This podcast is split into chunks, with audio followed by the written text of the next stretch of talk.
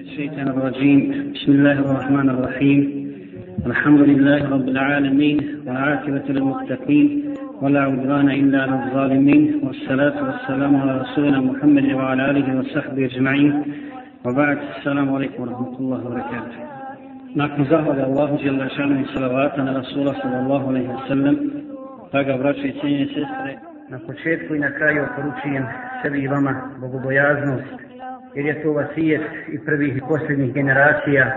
Kaže Allah Želešanuhu u Kur'anu, A'udhu billahi min ashshaytanu rajim, وَلَقَدْ رَسَيْنَا الَّذِينَ أُوتُوا الْكِتَابَ مِنْ قَبْلِكُمْ وَإِيَّاكُمْ أَنِ اتَّقُوا اللَّهَ Mi smo oporučili onima kojima smo dali knjigu prije vas, a i vama, da se Allaha bojite. Jer je, braćo i sestre, bogobojaznost izlaz iz svih nedača, i Allah Đalešanu mu bogobojazne obskrbljuje odakle se i ne nadaju kako kaže uzvišeni ome jezdaqillaha jeđa'al lahu mahređa o jerzuhu min hajtu la jahtasib kaže uzvišeni ko se Allaha bude bojao Allah će mu dati izlaz i obskrbit će ga odakle se ne nada braći i sestre vama je poznato da večeras inša Allah govorimo o optimizmu u vremenu iskušenja o jednoj osobini koja je nama danas vrlo bitna jer je poznato da u vremenima velikih iskušenja, u vremenima nedača, mnoge ljude među muslimanima snalazi tuga i očaj.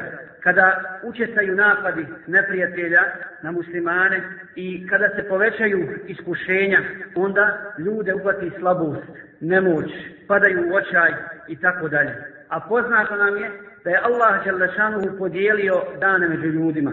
Jedni su u znaku blagostanja, a nakon toga dolaze dani iskušenja. Zašto ovo, braćo i sestre? Allah će zašanome i svoje mudrosti učinio tako, da bi vidio počeli ljudi obožavati Allaha u ova dva najbitnija stanja. U oba dva stanja jednako. Počeli biti pokorni gospodaru svjetova i kad su u blagostanju i kad su na iskušenjima.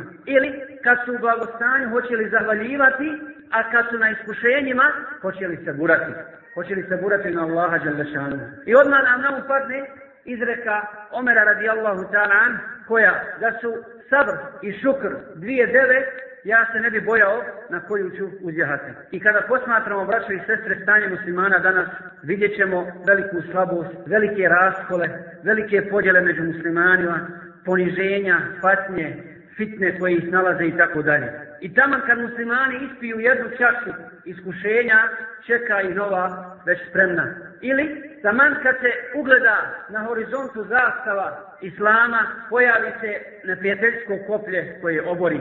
A da ne govorimo o ideološkom ratu protiv muslimana oličenom u novom svjetskom poredku kojega su najavili faraoni današnjice, a koje je u znaku borbe protiv muslimana i borbe protiv islama na svakom mjestu. I na sve ovo, dodajući još i to da su se muslimani uveliko udaljili od Korana i Sunnata, udaljili od islama od pravog puta, mnoštvo munafikluka u našim redima redovima, sve to dakle pritišće dušu jednog čovjeka, muslimana i muslimanke, ne da mu mira i dovodi ga u teško, u teško stanje. Ili kako je rekao Resul sallallahu alaihi wa sallam, doći će takav vakat da će se vjerničko srce istopiti poput soli u vodi zbog fitne, zbog zla, zbog šerra koji je gledao oko sebe, a neće moći ništa promijeniti. Neće moći ništa uraditi. Ovdje se pred nas postavlja nekoliko važnijih pitanja. Prvo, kakvi su i koji su to znaci malodušnosti ili slabosti koji nas nalaze. Zatim,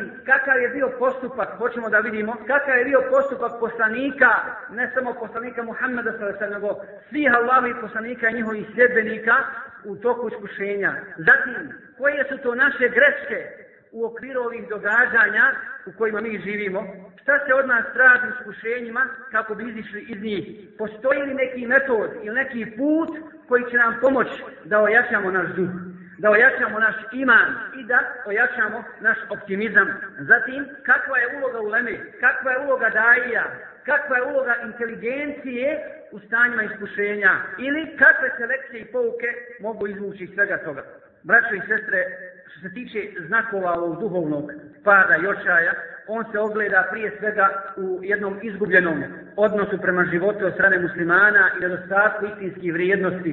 Čak da se ide, ide, ide se i dotle da mnogi muslimani su toliko izgubili samopouzdanje da se poljuljao i iman ne do Allah da nam se to desi u njihovim prsima i jekim u Allaha Đalešanohu.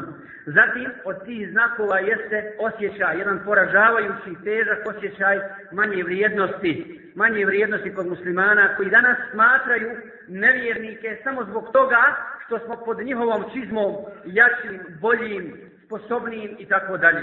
Zatim, ono što je još opasnije od toga, nerad, neaktivnost, naš neangažman, gaplet u pogledu popravljanja našeg stanja. Da se situacija, da se situacija popravi, da iziđemo iz ovog stanja i osjećaj da je svaki izlaz da su sva vrata za islam zatvorena, a nije tako vallani i vidjet ćemo da nije tako. I da je svaka šansa za davu, za davu izgubljena. Zatim, kad desi to, onda, čovjek kad se nađe u čortokaku, kad se nađe u takvoj situaciji, ide još dalje. Šeitan ga navodi, ako će činiti davu, da izabere pogrešne metode u dan, one koje nisu od islama, i onda daje ružnu sliku o, o islamu, i tada na taj način, čineći na pogrešan način davu, gubi se granica gubi se granica između halala i harama. Ljudi steknu pogrešnu sliku o islamu, a sve pod isprikom, pod, pod parolom, bolje ista nego ništa. Pod parolom prilagođavanja situaciji, pod parolom nužda zakon mijenja ili cilj opravdava sredstvo što je islam davno sudio i pobio. A što se tiče braćo Allahovih poslanika i njihovih sredbenika, oni su se sasvim drugačije ponašali. Istinski mu'mini nisu očajavani i bili su optimisti u svakoj situaciji. Njihove duše ispunjavao vjernički optimizam i čvrsto su vjerovali u obećanje Allahovo o pobjedi Islama.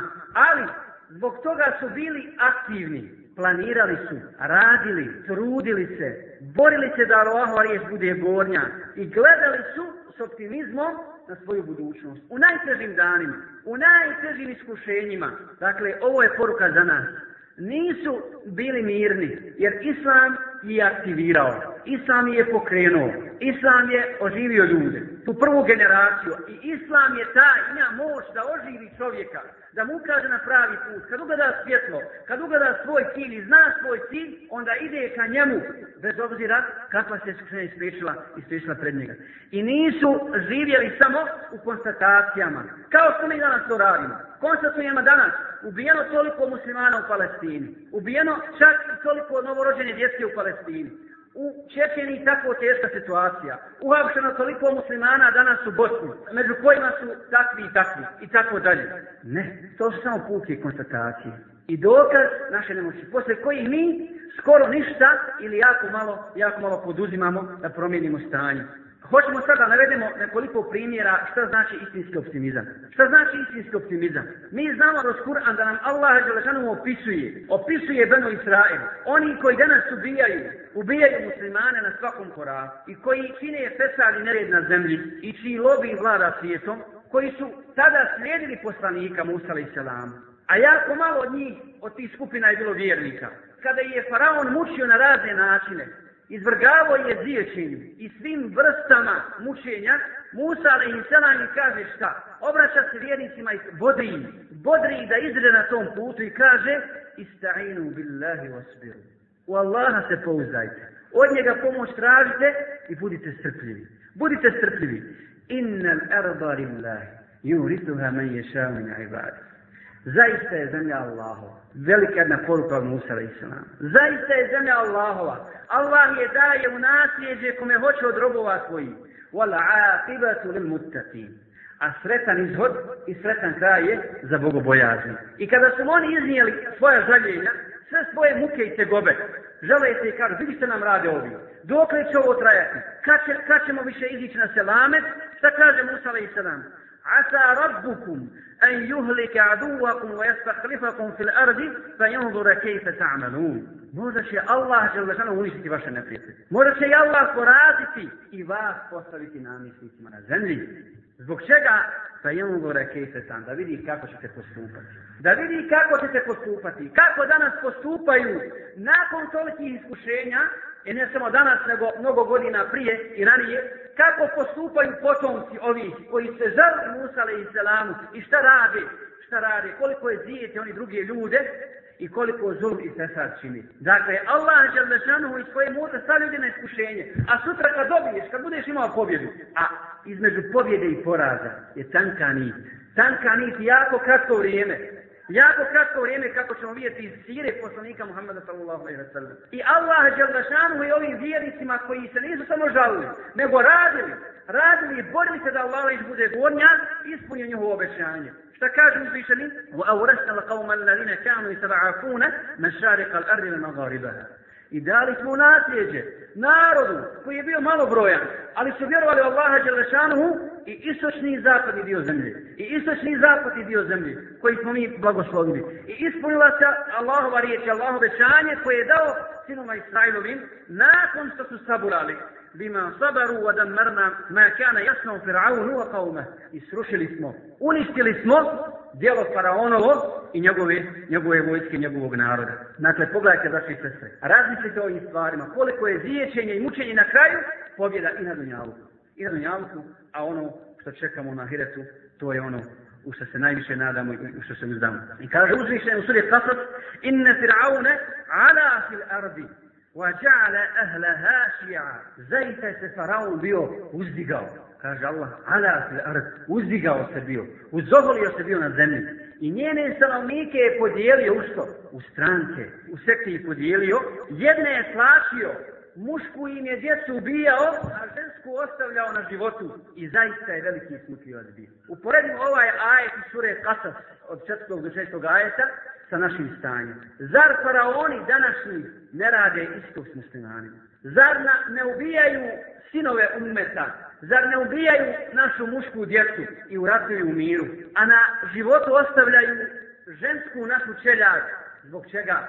U ratu da bi ih silovali, da bi se iživljavali nad njima kao što su to činili i kao što to čine danas na svakom mjestu. A u nekakvom lažnom miru da bi ih zavodili i odvodili s pravog puta i učinili ih nesretnicama, nesretnicama, izgubljenim osobama koje ne znaju svoga cilja i da bi na taj način od njih napravili, napravili i učinili razratnice. Kada je poslat Resul sallallahu alaihi wa sallam i kada je svjetlo Islama obasjalo Meku i njenu okolinu, je li put poslanika Muhammeda sallallahu alaihi wa sallam bio popločan ružama? Je li bio popločan ružama i cvijećem? Nije vallahu nego šta se desilo. Čak su ga njegovi najbliži rođaci jezijetili, napadali, potvorali, napadali na njegovu čast, protjerivali i tako dalje. I doživio je zajedno sa svojim ashabima najveća, najveća iskušenja. A mnogi od njih su morali pobjeći sa svojom vjerom.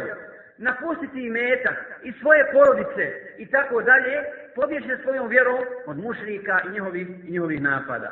A i kaže uzvišeni, وَمَا نَكَمُ مِنْهُمْ illa an yu'minu billahi al-aziz al-hamid. A nisu im se svetili ni zbog drugog, nego zbog čega? Samo zato što su vjerovali u Allaha dželle To je jedina osveta bila i to je jedina krivica svih muslimana od Adema alejselama do sudnjega dana zbog koje će se nevjernici svetiti muslimanima i pokušavati da ih odvrate od te vjere. Međutim, ja sam želio spomenuti vezano za ovu jednu stvar. Tada su se svetili muslimanima zbog njihovog istinskog imana i vjere u Allaha Đalešanu. Danas, u našem vaktu, u našem vaktu se svete muslimanima i ubijaju ih samo što nosi muslimanska imena. Možda nikad Allahu na sređu ne padaju. Možda ne izvršavaju Allahove nareze. Ali muslimansko ime nosiš i čeka se kama četnička. Sigurno ako mogne, ako mogne odrubit ću ti glavu. Samo zbog toga. I pogledajte koliko ljudi muslimani neće da se osvijestiti. I koliko liče današnji muslimani, slobodan sam kazati na tadašnje židove. Na tadašnje židove koje je njelov poslanik izbodio uz Allahu pomoć. Iz pobjede u pobjedu. Spasio je uz Allahu pomoć ezirnja faraona. I taman, kada su prešli more, kada su se spasili, Musa i sada odlazi šta da primi objavu od Allaha Đelešanuhu, oni uzimaju tele da ga obožavaju, umjesto Allaha Đelešanuhu ne izvlače pouku iz svih mogućih iskušenja, ni iz muđiza koje je Allah poda, oči te muđize koje su vidjeli.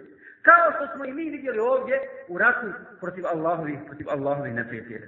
Ili predaja koja govori o tome ziječenu, ibn, koji bilježi Ibn Mađe, koji prenosi u sunenu od Hababa ibn Jareta, koji kaže da je došao jednog dana kod Omera radijallahu ta'ala I kad ga Omer ugledao da dolazi u društvo, da dolazi na taj skup, pozvao ga je da sjedne pored njega kaže, hodi sjedi pored mene ovdje i tako mi Allaha ovo mjesto kod mene ne zaslužuje niko drugi osim ti i još Ammar i Zbog čega? Zato što su podnijeli jako puno za islam.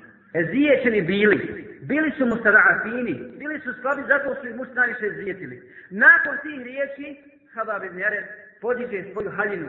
Dakle, nakon što je prošlo mnogo godina, podiže svoju haljinu Omeru da mu pokaže ožiljke koji su i dalje ostali od udaraca i od mučenja, mučenja od strane, od strane mušlika. I pored svega toga, Resul sallallahu alaihi wa sallam je bio optimista. I stalno je gledao dalje o situaciji. I muslimane na to upozoravao. I kada je došao ovaj isti ashab, kada je poslanik sallallahu alaihi wa sallam u hadisu koji bilježi Buhari, sjedio naslonjen, naslonjen na svoju vrtačku kjabi, došli su ashabi i kažu, ja Rasulallah, Zar nećeš moliti Allaha da nam pomogne? Zar nećeš moliti Allaha da nas spasi mušrika? Njihovo je griješenja. Pa se poslan sedem pomirio, ustao i sjeo i kaže, tako meno ga učuje ruci moja duša. Zaista će Allah Đelešanu pomoći svoju vjeru. I zaista će pomoći svoga poslanika.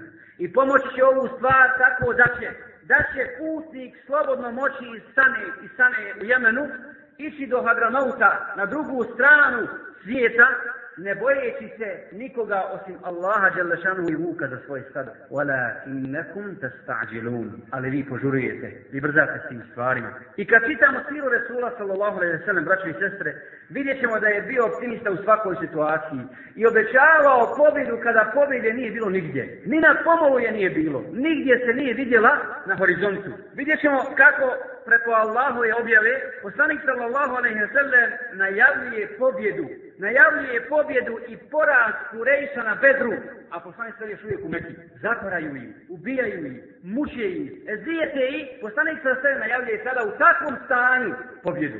I kaže, وَيَقُولُونَ نَحْنُ جَمِيُمْ مُنْتَسِرُ kaže Allah Želešanu. Govori mušici, mi smo nepobjediva skupina. I Allah objavljuje, se juhzemu džemu i vallun dubur. Ta skupina koju vi smatrate po jednom bit će poražena i okrenut će svoja leđa muslimanskoj vojsci. Okrenut će svoje dubure bježeći bezglavo od Allahove vojski. I ovaj osjećaj poslanika sa ove celine nije nikada napuštao.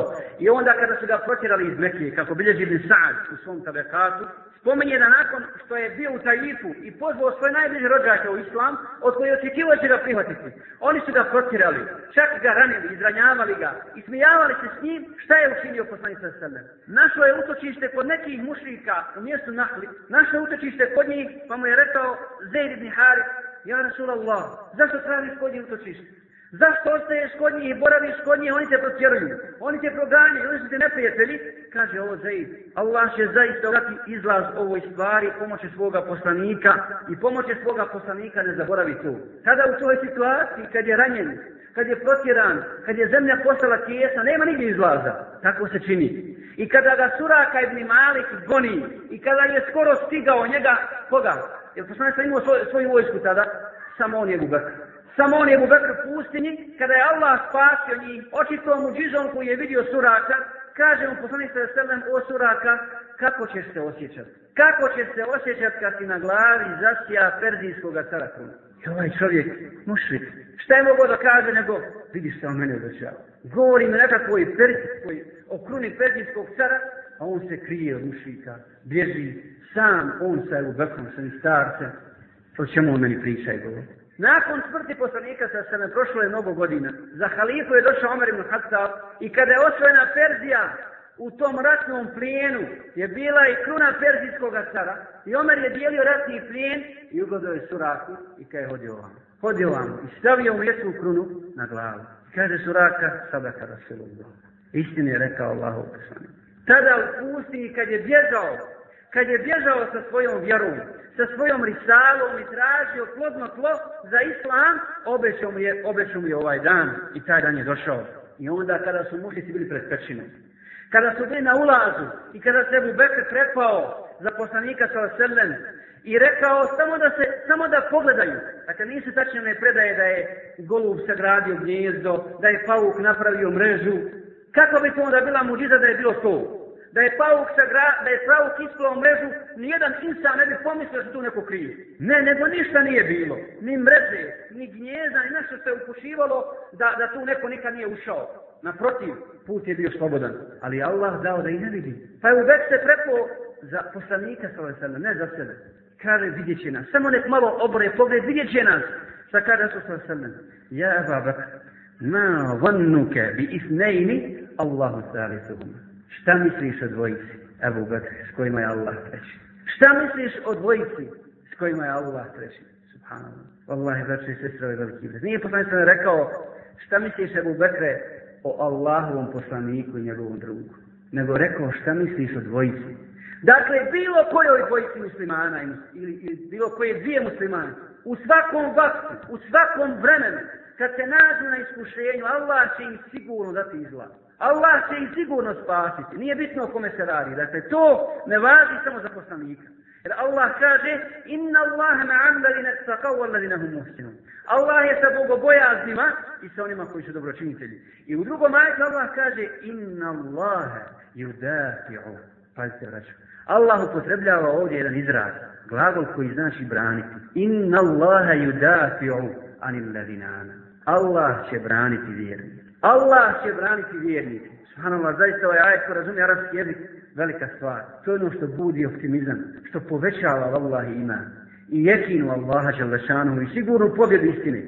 Ili kaže uzvišeni, oma je te vakara Allahi prahu wa hasbu. Ona je posljedna Allaha će na ono je dosta. Međutim, jedna od grešaka kod nas jeste to što mi sebe smatramo 100% bezgrešnim na uzubillahima ili ne bezgriješni, nego smatramo sebe onom skupinom koja je zaslužila pobjedu, koja je 100% zaslužila pobjedu i mora se ta pobjeda desiti sad ili nikad, sad ili nikad. Ako se ne desi, pojavljuje se na uđu bila sumnje. To je jedna stvar, a Allah nikom ne pravi. Nema sumnje da mi nismo još izgledali sebe do tog nivoa. Mani blizu, mani blizu, to je jedno. A druga stvar, kad je u pitanju e, nevjerstvo, kad su u pitanju kjafiri, njihove vođe i njihovo sadašnje izobilje i iskušenje na koje je Allah stavio, to je sto posto isti drađ. Postepeno približavanje kazni na dunjalu i na hiracu. To je obmana za njih. To je varka za njih. Iz pletka koju im priprema gospodar, gospodar svjetova. Kaže uzvišeni, فَلَمَّا نَسُوا مَا ذُكِّرُوا بِهِ فَسَحْنَا عَلَيْهِمْ أَبْوَابَ كُلَّ شَيْنْ حَتَّى إِذَا فَرِحُوا بِمَا أُوتُوا أَخَذْنَاهُمْ بَغْتَةً فَإِذَا هُمْ مُبْلِسُونَ I kaže kada su zaboravili, kada bi zaboravili nevjerici, na ono o čime smo im upozoravali, preko Allahu i poslanika, dakle na objavu, na opomenu, na uputu, mi bi im otvorili vrata svega. Sad nam bi im dali i bogatstvo, i vlast, i kada bi se obraduj tome i kada bi se osjeti neovisnim, osjeti da su oni gospodari toga, da oni vladaju, da oni upravljaju, da to drže u svojim rukama, iznenada bi ih stigla kazna naša. I to bi im oduzeli sve i oni bi, oni bi bili poraženi i, očaj, i očajni zbog toga. Zatim, braće i sestre, od grešaka koje pravim u teškim trenucima jeste zarobljenost sada određenim trenutkom. Zarobljenost trenutkom kome se nalazimo bez gledanja na svjetlju islamsku, islamsku budućnost. I ovaj osjećaj slabosti, uzrok njegov jeste u sabom pouzanju Allaha Đerlešanu i nepoznavanju Allahovog zakona u kosmosu. I veliki je mu sibet kad nas takav osjećaj odvede u sjedinje, u ljenost, u nerad i u zaflet. Ne smijemo dozvoliti nikada ove sebi stvari. Malo prije sam ja govorio da je jako mala srca, odnosno linija između poraza i pobjede. Pogledajte, zna li neko od vas koliko je bilo između hijđre i protjerivanja poslanika sallallahu alaihi wa sallam iz, iz Mekije u Medinu i pobjede na Bedru? Koliko je prošlo vakta? Dvije godine. Poslanik sallallahu alaihi wa sallam protjeran svi su napustili, on zadnji nakon se odakle Meku, odlazi u Medinu, bježi, skriva se, u tom trenutku šta, šta bi rekli ljudi, nemoguće je da pobjedi, situacija je takva, hal je teža, nakon dvije godine poražava musike na bedru, Allah mu daje pobjedu. Zatim, između bitke na Ahzabu, jedne od najtežih bitaka u istoriji Islama, posao je poslanika sallallahu alaihi wa sallam. Kada su mušiti došli, kako kaže Allah Žešanom, sa tri strana, došli su i od ozgo i od ozgo. Iznutra, munafici koji su izdali i židovi koji su izdali poslanika sallallahu alaihi wa sallam, prekinuli sporazum sa njim. Mušiti sa strana, opkoli poslanika sa sallam njegovu malobranu vojsku. I osvajanja neke, koliko je bilo između ta dva događaja. Sada kad muslimani nisu imali šta je, kad je strah ušao u kosti, i Allah kaže da je takvim ljudima kao što su ashabi, duša gleda došla do grla. Očaj ih otio. Nema izlaza.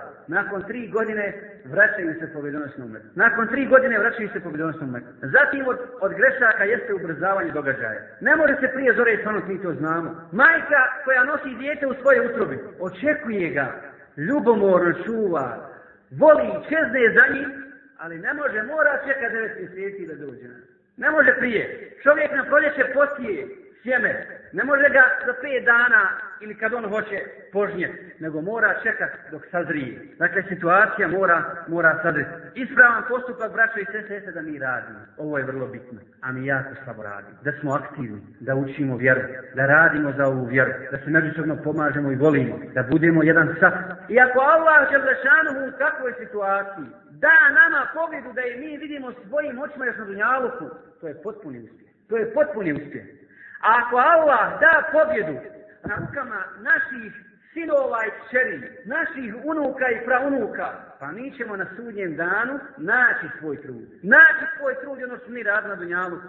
Jer kaže Allah želi svojom poslaniku, inna neki li badan. Na tebi je samo da preneseš. Od tebe ne zavisi pobjeda.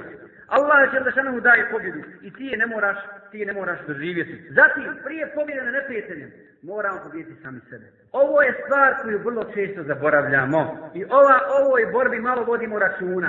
Više smo se dali borbi, navodno borbi prema vanjskom neprijatelju. A svoj nef, svoju strast i ostale greške koje pravimo, jako, jako slabo kontrolišemo. Zato među nama su ovlike podjele. Zato se nam, među nama dešavaju ovakve stvari kako se dešavaju nas među muslimanima. Nepovezanost rastrganost, zavidnost, mržnja i tako dalje. A svi predvodnici naši, koji su naši uzori, upozoravali su svoje vojskovođe šta? Šta kaže Omer, Omer ibn Khattab radijallahu sana Amr ibn Asu ili Sad ibn Zakasu? Kada mu šalje pismo, kada ono čega se za vas boji i čega vi treba da se bojite jeste vojske vaših grijeha, a ne neprijateljske vojske. Toga se bojite ako se u grijesima izjednačite s neprijateljem, nema ko pobjede. Nema šanse da pobjedite. Jer oni su brojčano jači, tehnički na, nadmoćni i napredniji, ali vi pobjeđivate vašim imanom. Ako nema grijeha, ako se Allah utječete od toga, ako ste jedinstveni, ako ste Kur'an i sunnet, sigurno će pobjeda doći. Od slabosti ljudski jeste da kada čovjek, da čovjek griješi. Međutim, često puta čovjek zaboravlja na svoje greške. Tako, jedno, Kajim objašnjava ovu stvar u svojoj knjizi Gazetul Ihvan, pa kaže, zaista čovjek čovjek ostavlja često puta mnoge vađbe za koje ne zna ništa o njihovoj naređenosti i pomajkane mu je znanje. Međutim, nakon što sazna da su to naredbe, da su to vađbi, oni opet ostavlja. Oni opet ostavlja iz raznih razloga. Nekada ostavlja te vađbe zbog pogrešnog tumačenja. Nekada zbog slijepog slijedženja, nekada što misli da je zauzet važnim stvarima od tih koji su važni od tih naredbi. I kaže, vađivi i obaveze srca su daleko jačim vađivi od vađiva tijela, a ljudi na njih zaboravljaju. A šta su, braćo i sestre, vađivi srca? Šta su vađivi srca? Ljubav prema Allahu dželaživom poslaniku, prema mu'minima, a mržnja prema kjaterima, samilost prema muslimanima, čišćenje srca od zavidnosti, od mržnje i od svih mogućih drugih loših osobina, držanje za jednu riječ, jedan stav, okupljanje oko Kur'ana i sunneta, zbližavanje međusobno, to su i badeti, odnosno vađibi srca o kojima mi samo vodimo računa. I kakav je odnos bio Mubina na Ahzabu, o bici o kojoj govorim. Kada su rekli, ljudi se okupljaju protiv vas, pa ih se pobojte. Šta su rekli muslimani? Haza ma va'ada na Allahu wa Rasul. Ovo je ono što nam je obećao Allah njegov poslani. U takvoj situaciji su rekli to. Wa sadaka Allahu wa Rasul. Istinu je rekao Allah i njegov poslani. A ne su ti nadr. Primjer jednog takvog ashaba, jednog istinskog mu'mina koji nije gubio nadu i nije se rekli kao što su rekli mu natici, naše su kuće nezaštićene. Čim i snađe kako iskušenje, kada Allah hoće da se pokažu istinski mu'mini mu natici. Na velikim iskušenjima, tu se odgajaju veliki ljudi, veliki ljudi. A ne se bi nadu, Atha, poslanika sa Oselem, koji je izostao iz bedra, šta je rekao poslanik sa nakon toga?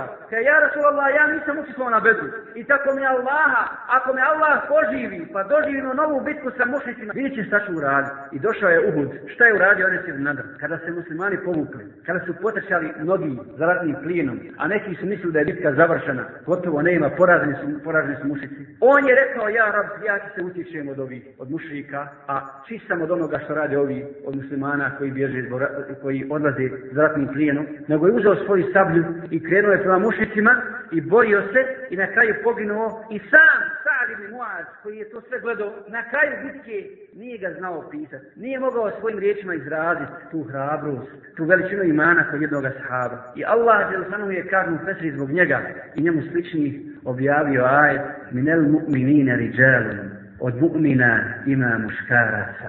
Inša Allah, možda u nekom narodnom predavanju govorit ćemo o muškarcima kroz Kur'an. Šta znači ta muškost? Šta znači ta muškost?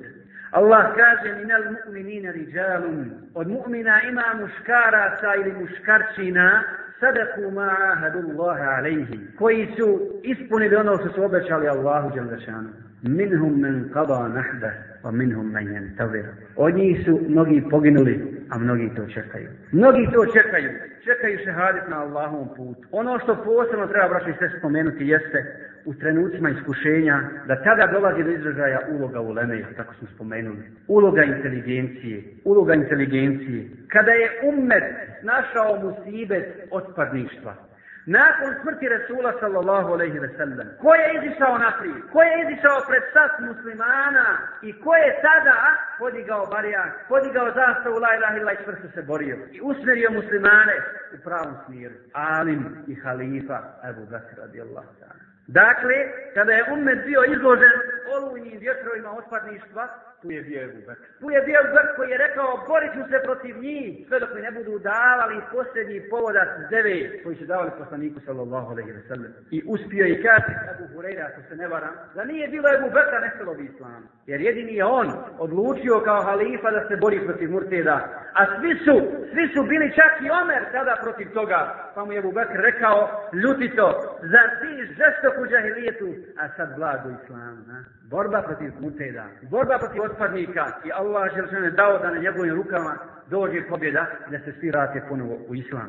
Zatim, u vrijeme fitne, kada se pojavila fitna u akidi, u vjerovanju, i kada su mnogi ljudi povjerovali i bili prisili da povjeruju to da je Kur'an stvoren, dakle, ta fitna oko halkom Kur'ana, ko se našao, ko se našao na istorenoj, na prvoj liniji, da brani akidu, da muslimane usmjerava, našao se Ahmed ibn Hanbal, čuvar sunneta, čuvar sunneta Rasula sallallahu alaihi sallam. I poslije mučenja nije popustio ni onda kada su mu govorili pa ti imaš opravdanje, reci to, popusti sada. Međutim, ljudi su se okupili oko njegove kuće, na hiljade ljudi je čekalo sa olovkom i papirom u ruci šta će reći Ahmed ibn Hanbel. Ako on kaže ne uzubila Kur'an je stvoren, gotovo zapisan. A on kaže pogledaj ove ljudi, pogledaj ljudi koji čekaju. Tako mi Allah, ja neću Ma šta se sa mnom desilo? Ja neću da se ove ljudi. I neću da se Allahu vjeru. Zatim, u vrijeme najezde Tatara, ko je izišao naprijed? Izišao je šehol Islam ibn Tejmije. Dakle, to su alimi koji su pokazali koliko vrijedi ilm i šta znači ilm kad se pretoši u praksu. U najtežim trenucima i najtežim situacijama dolazi do, do izražaja ulema i ona istupa naprijed i pokazuje hrabrost čvrstinu postojanost koja utiče na muslimane, koja utiče na ljude oko njih. I kad čovjek vidi takvu muslimana, intelektualca, alima na televiziji, na mimberi, da govori istinu, da muslimane upozorava, da ih hrabri, da ima stav, Wallahi, čovjek se osjeća sigurno to tako vođe i s takvim vođom. Nažalost, braće i sestre, mi ne živimo u takvom vremenu. Naša inteligencija i naša ulema nije takva. Danas, u našoj situaciji i ovom našem okruženju glavnu riječ vode obični ljudi. Obični ljudi ili onaj srednji stalež. Običan čovjek iz naroda ili čovjek fenomen, kako ga ja volim. Taj čovjek fenomen, obični insan, je odradio svoj posao uz Allahovu pomoć na pravi način i pokazao ponos u ratu. Pokazao ponos u ratu protiv kufra. Jer smo toga svjedoci. Nije inteligencija osim rijetkih pojedina. Nije inteligencija, dakle, običan insan. I ako nema takvi, ako nema inteligencije, ako nema uleme, onda nosi od si pesada iskoriste svoju priliku i šansu da umet obezglave, da je udalje od islama, ako nema istinskih vođa koja se riječ sluša i postuje, onda lažovi iskoriste svoju priliku. Da proture svoju lag, kao što to čini u našem vremenu. Zato je naša potreba braćova za istinskom inteligencijom i za istinskom ulemom veća nego, nego potreba za hranom i za pićem ili je slična takva. Pogledajte danas kod nas, hapse se muslimani i vojnici i generali i šejhovi i muđahidi i tako dalje. Šta radi naša inteligencija? Šta rade naše vođe? Šta rade naši političari? Jesu li poduzeli išta da se to ne desi? I naši generali koji su u ratu branili i učestvovali s našom vojskom u odbrani iz islama i ovog peda zemlje na koje mi živimo, hapse se po tajnim optužnicama. I to i hapse oni isti hrabri specijalci koji su uhapsili neki dan šeha imada. E, inša Allah smili. Dakle, to je naše stanje, to je naša situacija. Dakle, oni znaju za to, ali ne smiju ništa reći. I smatraju, zato samo što zanimaju vlast, što da na njih neće doći red. Oni misle da neće na njih doći red. Misle da su sigurni. Misli da su bezbjedni. Misli da su sebi zagarantovali sigurnu budućnost. Wallahi nisu. Doće na red, vođe alijanse. Doće na red, tako mi Allaha. Kjateri će ih uništiti i poniziti kao što su ponizili pozderce i ostale ostale komuniste i ostale uh, ljude, bošnjake koji samo nosili muslimanska imena, a koji su radili protiv islama i prodali svoj i dunjaluk, i dunjaluk i ahiret i izgubili jedno i drugo.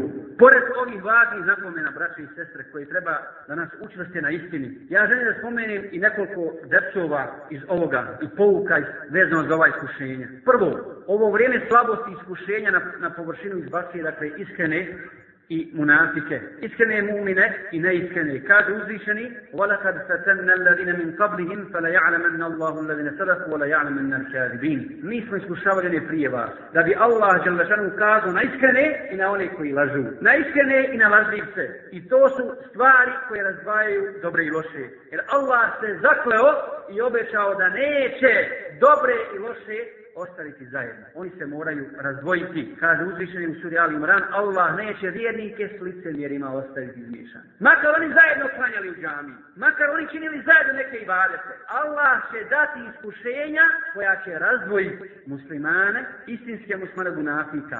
Jer dok god ima mulja u vodi, ona ne može biti bistra. Ne može biti bistra i situacija je mutna i ljudi se pitaju šta nam je. Zbog čega je to tako? A situacija se još nije očistila. Dakle, to su iskušenja koja velike duše i velike ljude još više učušće na Allahom putu. كقتال قصني صلى الله عليه وسلم عجبا لأمر المؤمن إن أمره كله له خير شدنا إخبار مؤمنة نما يوي الجبرة إن أصابته السراء الشكر فكان خيرا له Ako ga zadesi dobro, kakav hajr, on zahvali Allahu i dobro mu je. U ina sabatu darrao, sabar, pa hajdan le. Ako ga zadesi kako iskušenje, on sabura i opet mu je dobro. I ne smije nas, braće i sestre, zavarati i obezhrabriti to što je mnogo više nevjernika nego vjernika i zbog toga što je više zla nego dobra. Pogledajte što kaže uzvišeni. Kul la jastavila habitu wa tajinu. Olevo a'đabete kasratu habitu. Reci nisu isto dobro i zlo. Nisu isto dobro i zlo makar te čudilo mnoštvo zla. Dakle, mnoštvo je zla uvijek. I uvijek je više nevjernika bilo, ova činjenica mora biti na umu. I u hadisu koji je mutafakun alejh, kaže Rasul sallallahu alejhi ve sellem, neće nastupiti sudnji dan dok ne nestane znanja. Dok Allah ne podigne znanje i dok se ne pojavi džahil neznanje. I dok se ne proširi zinalog i dok smo ne prošli pijenje alkohola. I sad pitanje, šta nam je radi, braći se? Na nama je posebno u ovakvom okruženju da upoznamo izvore snage. Izvore snage koji će nam biti od koristi, koji će nam dati snage da izrije na ovom putu. Prvi izvor te snage, braći i sestre, jeste istinski iman. Iman u Allaha Đelešanu. Zato što je iman odagnava strah od svega i od svakoga osim od Allaha Đelešanu. Kaže Allah žemu, fela te hafuhu ve hafuni in kuntum minin. I nemojte se bojati njiha. Nemojte se bojati nevjernika, nego se, nego se mene boji. I muslimani danas u Bosni, braćo i sestre, su posebno, a njihovi političar, dakle i Bože posebno, mislili da će naći izlaz, drugi izlaz mimo Islama. Mislili su da će doživjeti prosperitet, da će ako svoje neprijatelje uzmu za prijatelje, svoje dušmane za pomoćnike i saradnike, da će dobiti podršku od dinskih dušmana. Da će dobiti podršku od njih. Da će dobiti državu. Da će dobiti i metak. Da će dobiti vlast. Ako popuste. Ako ispune sve zahtjeve njihove. I jesu li ispunili sve njihove zahtjeve? Jesu li popustili do dna? Jesu. Jesmo li ostvarili ono što smo očekivali? Nismo. Ni blizu. I pored dakle svih popuštanja, padali smo sve dublje i dublje u ponor i naša rana se svaki dan sve više i više otvara. Dakle, sad su svi skontali. Vi vidite kako i oni, bošnjaci, koji ne idu u džamiju, koji ne klanjaju, kako sad napadaju po pol međunarodnu zajednicu. I kažu, ona nama ne želi dobro. I ta sad međunarodna zajednica svakom liči na krokodila koji lije suze dok guta svoju, dok guta svoju žrtvu. A šta čini istinski iman? Šta čini istinski iman i koja je to snaga? Hoćemo da ispričamo priču, makar i odulili, a vi ćete mi halali. Ovo moram kazati. Pogledajte istinsko da uporedimo sa ovim našim stanjem. Koliko Allah ponizio ove naše vođe u našoj državi, a koliko je uzdigao istinske mu'mine samo što se bojala Allaha Đelešanu. Kad su sihirbazi došli, da se bore protiv Musa i Selama. Znamo za taj slučaj. I šta su rekli faraonu? Ako pobjedimo, pogledajte, sošli su zbog svog dunjanskog cilja. Ako pobjedimo, hoćemo li imati mjesto kod tebe? Da, tako mi moje veličine već ćete tičiti me najbliski. I kada su vidjeli istinu, kada je njihova čarolija propala, oni priznaju Allaha za gospodara. I faraon im kaže da ste, da ste povjerali tim što vam ja dozvoli, vidjet ćete šta će biti sa vas. A šta su rekli, oni šta su odgovorili? Kalu, لن نؤثرك على ما جاءنا من البينات والذي فطرنا Rekli su, mi nećemo staviti tebe. Malo prije ga stavljali iznad svega. Mi nećemo staviti tebe iznad jasnih ajeta koji su nam došli. Tako nam onoga koji nas je stvorio. I šta mu kažu? Fakdi ma ente qabim. Čini šta god hoćeš. Čini šta god hoćeš. Innama takri hadihil hajata dunija. Ti to možeš raditi samo u životu na ovome svijetu. Inna amanna bi rabbina. Mi vjerujemo u našega gospodara. Subhanallah. Pogledajte imana, braći.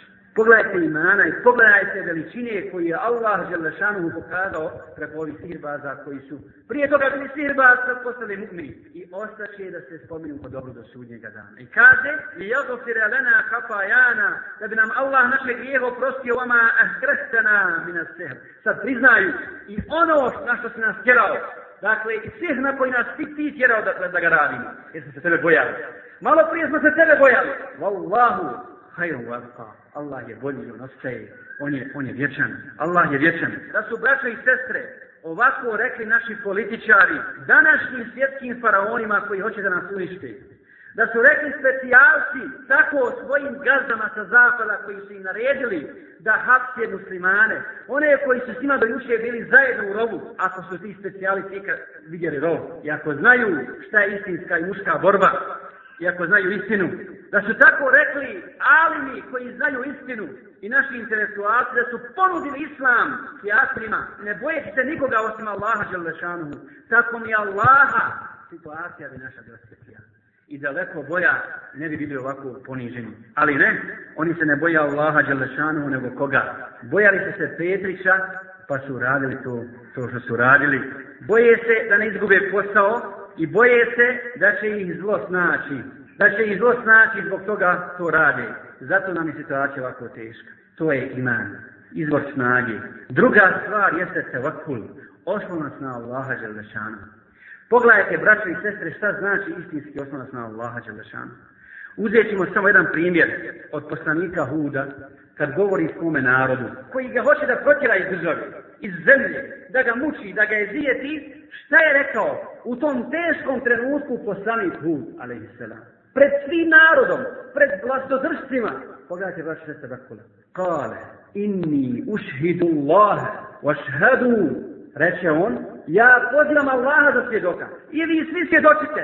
Vi velikani, vi faraoni, vi koji se smatrate neovisnim i koji činite narod, narodu nasilje, enni beri um nima tušrikun, da sam ja čist i da se ja odričem oni koje vi Allahu kao drugoj predpisujete. Fakiduni džemi anman i svi mi spletke pripremajte. Pogledajte izazova se. Svi mi spretke pripremajte. Summe la tunzirun. I nimalo ne odgažajte. Ovo je bitno trenutka. Sako se sve vaše vojske. Pletke kakve hoćete. Patnje kakve hoćete.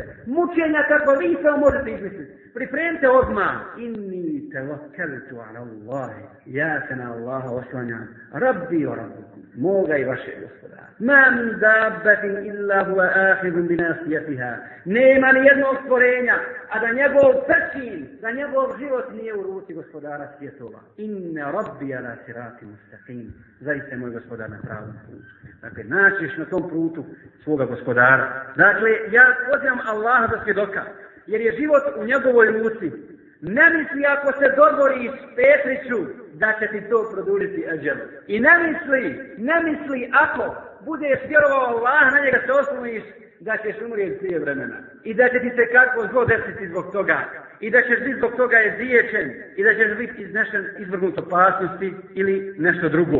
Kaže poslanik sallallahu alaihi ve sellem, ko želi da bude najjači čovjek, neka se osnovi na Allaha Đelešanu. Ko želi da bude najbogatiji čovjek i najneovisniji čovjek, neka bude sigurniji u ono što je u Allahovoj ruci od onoga što je u njegovoj ruci. I ko želi da bude najčastniji čovjek, neka se Allaha boji. U predaju bilježi bi kasir. A kaže uzvišeni, ale i sallahu bi kasir abde, za Allah nije dovoljno i dostat svome robu. I sljedeće sredstvo, dakle, posle imana se vrkula, zadnje koji mi spomenti jeste dova, braćni sest. Dova, kome? Gospodaru svjetovog kaže uzvišeni wa iza sa'alaka ibadi anni fa inni qarib kada te moj robovi za mene upitaju reci da sam ja blizu u tefsiru ibn kesira u suri naml u ajetu koji glasi amma yujibu al-muttara iza da'ahu wa yakshifu su zar onaj koji se nevoljniku kad mu se obrati odaziva i koji zlo otklanja kaže vehbi mu nebi da je pročitao u jednoj predaji gdje kaže Allah dželle šanu tako mi moje veličine ko zatraži utočište kod mene kad bi se nebesa i sve što je na njima, i zemlja i sve što je na njoj okrenulo protiv njega, ja ću mu dati izlaz. Ako ne zatraži utočište kod mene i zatraži utočište kod nekog drugog, ja ću učiniti da mu se izmakne tvoj ispod nogu. Biće prepušten sam sebe. To je, braćo i sestre, poruka ovog versa. Dakle, da se moramo osnoviti na Allaha Đelešanovu. Sjediti pravi put jer je to izvor snage i ponosa a početak propasti, slabosti i poniženja i udaljavanja od pravog puta. I bojte se Allaha da napustite pravi put i da se osjećate usamljenim zato što je malo njegovih sedbenika. I nemoj da vas obmane krivi put i mnoštvo njegovih sedbenika. Jer propali su faraoni i njihovi sedbenici i propašće današnji faraoni i njihovi, i njihovi sedbenici i istina će sigurno pobjediti. Jer poslanik sallallahu alejhi ve sellem kaže: "Bada al-islamu gariban, فَسَيَعُودُ غَرِيمًا كَمَا بَدَا فَتُوبَ الْغُرَبَا Islam je počeo s pojedincima, vratit će se na pojedince i blago pojedincima. Molim Allaha da će nas učini od ovih pojedinaca koji će se držati čvrsto Allahu jer vjeri onda kad je drugi napuste, koji će se čvrsto držati Kur'ana i sunneta i drugi pozivati Kur'anu i sunnetu, koji će se uozbiljiti, uozbiljiti i u skušenjima i u lahkoći i čvrsto vjerovati u Allaha Đalešanuhu. Molimo Allaha da nas osuče Kur'ana i Sunneta, da nam oprosti grijehe, da pomogne islamu muslimane na svakom mjestu, a da uništi kafire i njihove sedbenike i vođe kafira do sudnjega dana. Molimo Allah da nam oprosti grijehe, da nas vode u džennet i da nas uzvodi s našim poslanikom Muhammedom s.a.v. njegovim drugovima i onima koji su nas pretekli dobro. Amin. Koji su nas pretekli dobro. Amin.